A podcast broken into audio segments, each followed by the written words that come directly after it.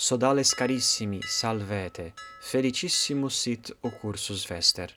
Mi nomen est Mateus, sum Ecclesiae Catholicae sacerdos, natione Brasiliensis.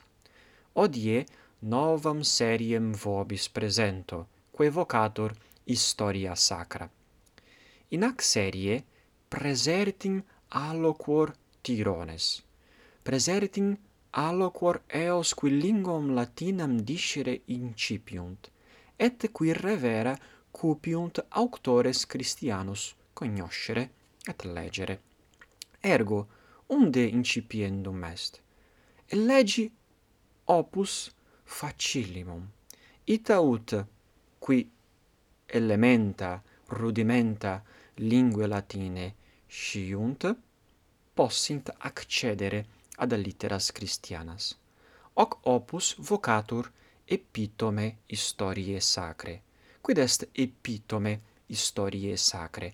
Est summarium historiae sacre. Nos scimus in sacris scripturis esse historiam sacram, historiam populi Dei. Et epitome est summarium uius historiae. Et quis scripsit epitome historiae sacre, quidam sacerdos Franco gallus nomine Lomond. Lomond scripsit epitome historiae sacre. Et nos, in ac serie, et legemus et explicabimus textum uius summarii. Ergo, ut videbitis, textus est facilimus intellectu, et potestis sic spero et legere una mecum et intellegere. Bene quid dicam? In primis si quis vestrum et credo omnes velle abere textum. Ergo si quis vestrum abere vult textum in descriptione uius pellicule vobis ah, uh, relinquo vel immito nexum ut per unc nexum accedere possitis ad textum ipsum.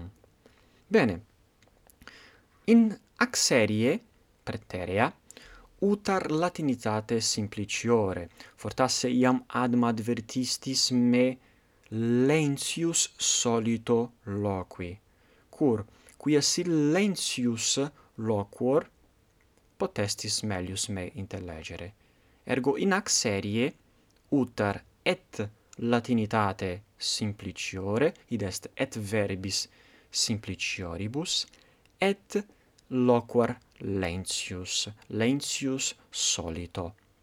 Ergo incipiamus a prima parte uius libri. Et sacerdos Lomond incipit ab creazione, incipit a creazione. Legamus cum sacerdote Lomond narrationem creationis. Deus creavit universum mundum intra sex dies. Deus creavit celum et terram intra sex dies primo die fecit lucem, secundo die fecit firmamentum, quod vocavit celum. Tertio die coegit aquas in unum locum, et eduxit et terra plantas et arbores. Quarto die fecit solem et lunam et stellas. Quinto die aves, quae volitant in aere et pisces quinatant in aquis. Sexto die fecit omnia animantia, postremo hominem, et quievit die septimo. Bene, ergo Deus omnia fecit intra sex dies. Deus creavit, creavit celum et terram. Apud auctores Christianos verbum creare significat presertim facere ex nihilo, facere nulla materia preesistente. Ergo creare mundum, creare celum et terram significat facere, no ex materia quadam preesistente, sed facere ex nihilo, ex nihilo et primodie quid fecit Deus? Primodie fecit lucem. Secundo die quid fecit? Secundo die fecit firmamentum. Et quid est firmamentum? Firmamentum est cellum. Est vocabulum Christianum, vocabulum biblicum potius firmamentum, fortasse non inveniemus hoc vocabulum apud auctores latinos antiquiores, sed apud auctores Christianos inve invenimus hoc vocabulum, cur quia est vocabulum quod habet radicem in lingua hebraica et Christiani vocabulum quodam linguae hebraice vocaverunt firmamentum. Et sic cum legimus apud auctores Christianos firmamentum scimus hoc vocabulum significare celum. Tertio die coegit aquas in unum locum. Ergo quid fecit Deus? Deus coegit, quid est cogere, est in unum locum impellendo agere, ducere.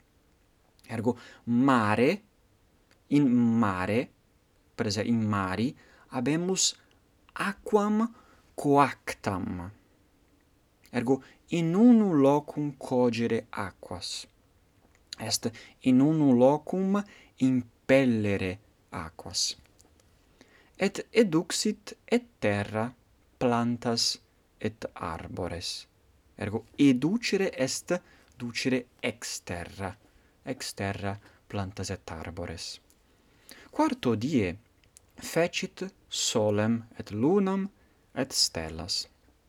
Quinto die aves quae volitant in aere.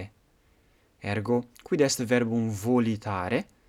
Verbum volitare idem est atque volare, vel frequenter volare. Aves volant, sive volitant, pisces natant et homines ambulant. Sexto die fecit omnia animantia. Animans animantis est vocabulum neutri generis et quid significat animans est quod animam ducit est animal animans animantis idem est atque animal Ergo Deus fecit omnia animantia. Et postremo tandem denique fecit hominem. Et qui evit die septimo?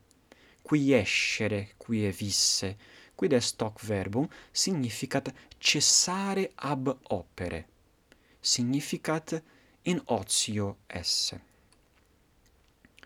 Bene, Videamus nunc creationem hominis, quia iam vidimus totam creationem, et nunc singulari modo vide videbimus hominis creationem.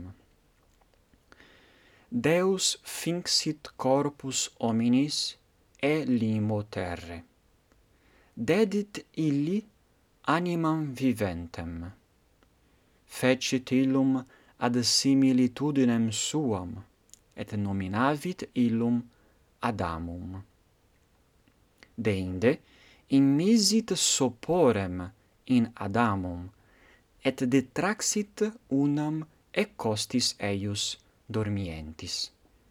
Ex ea formavit mulierem, quam dedit sociam Adamo, sicque instituit matrimonium nomen prime mulieris fuit Eva. Ergo, quomodo Deus fecit corpus hominis? Quomodo Deus finxit? Quid est hoc verbum fingere? Fingere, finxisse fictum, significat facere, formare, efformare, figurare. Deus finxit corpus hominis e limo terre. Limus terre est terra est humus. Ergo Deus sumpsit terram et effurmavit finxit corpus hominis. Et quid fecit deinde? Deus dedit illi, dedit illi corpori, animam viventem.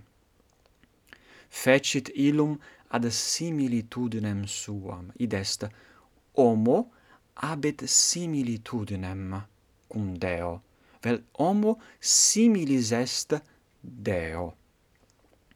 Et nominavit illum Adamum.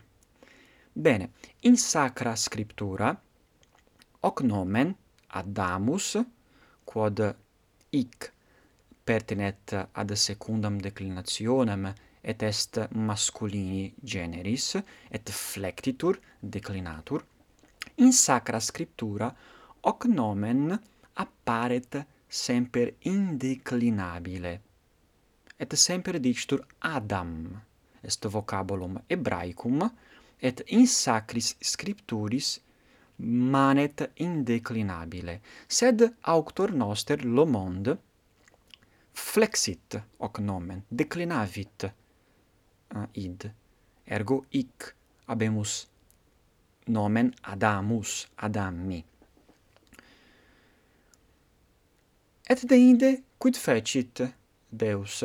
Deus immisit soporem in Adamum, fecit eum dormire. Adamus somno captus est. Et dum dormit, Deus detraxit, detraxit unam costam et costis eius. Detraxit, extraxit unam costam ecostis eius, eius dormientis, quia dormiebat, et quid fecit? Ex ea, ex ea costa, formavit mulierem. Formavit mulierem quam dedit Adamo sociam. Ergo, Deus formavit mulierem et dedit eam Adamo sociam, id est fecit eam sociam Adami. Sicque instituit matrimonium. Quid est matrimonium est coniugium, est coniugatio viri et mulieris. Et nomen prime mulieris fuit Eva. Bene, hic est finis, uius prime, uh, uius prime partis narrationis, et uh, spero vobis perspicuum fuisse, ut videre potestis. Vocabula sunt facilia intellectu fortasse sunt quedam vocabula vobis ignota sed conatus sum vobis prebere significationem vocabulorum nec non illa illas formas verborum ex quibus possumus uh, verba declinare quae sunt infinitivus presentis infinitivus preteriti et supinum. Ergo spero vobis eh, placuisse et eh, brevi mox incidam secundam pelliculam uius serie et ita per gemus legere epitome historiae sacra sacre. Se quis vestrum dubium habet potestis me rogare in commentaris et libentissime explicabo. Gratias vobis ago et in proximum valete.